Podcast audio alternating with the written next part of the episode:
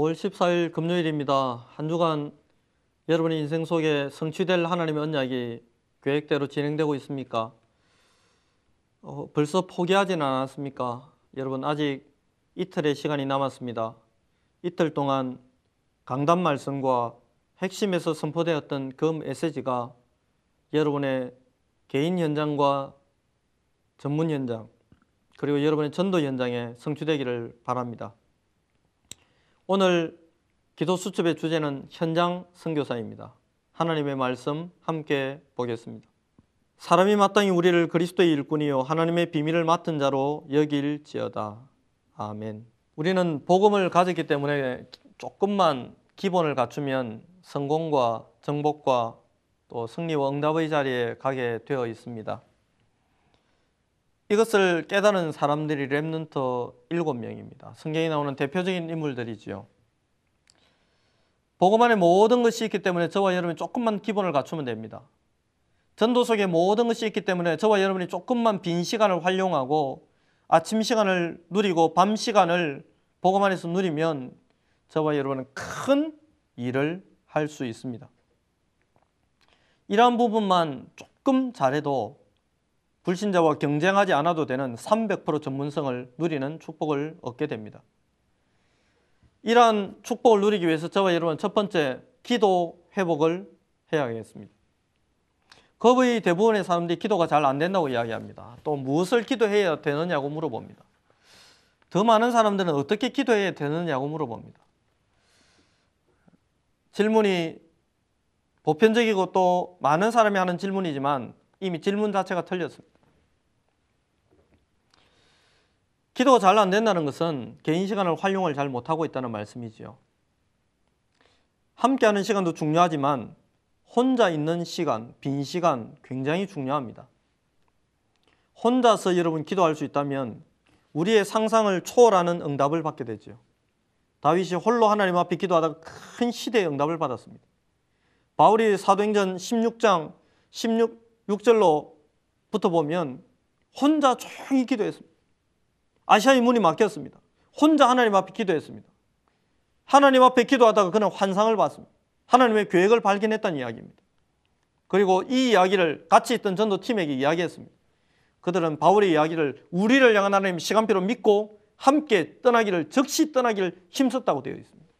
그리고 그들이 발견했던 것이 마게도냐의 응답 중에 빌립보를 첫 응답으로 받았습니다. 혼자 기도할 수 있다면 저와 여러분은 큰 축복을 누리는 시조가 될 수 있습니다. 황폐한 마음과 불신앙을 가지고는 기도가 나올 수가 없지요. 정말로 하나님이 하실 일들이 보여지는 영안이 열린다면 기도는 힘든 일이 아니고 노동이 아니고 행복이고 즐거움이고 또 감사고 감격이 될 것입니다. 기도할 때 어떤 영적인 일이 일어나는지 안다면 기도할 때 힘을 내야 되는 게 아니고 힘이 생기게 되겠죠. 주께서 하늘 문을 열고 하늘 군대를 움직이시고 기도하는 그 시간에 성령이 역사하시고 기도하는 그 시간에 말씀이 성취되고 기도하는 그 시간에 제자와의 만남의 문들이 열리고 기도하는 그 시간에 하나님이 주시는 전문성이 회복되는 이런 어마어마한 일들이 있는데 한마디로 이야기하자면 기도하는 시간에 하나님의 나라가 나와 관계된 모든 현장에 회복되는 이 사실을 안다면 기도하자, 기도해야 돼가 아니고 할 수밖에 없는 응답 속으로 들어가게 되겠지요. 저와 여러분은 각자의 현장을 살릴 선교사로 부름을 받았습니다. 이 사실을 기억하십시오. 그렇기 때문에 하나님은 모든 하늘 군대를 저와 여러분이 관계된 현장에 보내실 것입니다. 두 번째 하나님의 비밀을 맡은 자입니다. 많은 기독교인들이 전문성이 없이 예, 살아갑니다. 그래서 경제력도 없고 무능한 것처럼 보일 때가 있습니다. 그러나 만일 저와 여러분이 영적인 힘을 가지고 24시간 기도의 비밀을 누리게 된다면 우리의 무능, 우리의 연약함이 전혀 문제가 되지 않는 완벽한 축복 속으로 한 걸음 한 걸음 다가서게 됩니다. 300% 전문성. 이 전문성이 정말로 생길 수 있느냐? Remnant 7명은 300% 전문성을 누렸지 않습니까? 임마누엘의 비밀 하나 가지고 요셉은 참 성공자가 되었습니다. 여호와가 나의 목자시라는 그 비밀을 보았던 다윗은 성공한 왕이 되었습니다. 하나님이 함께하는 비밀을 제대로 누렸던 바울과 디모데는 하나님의 계획 하나를 붙잡았는데 시대의 응답을 전부 받았습니다.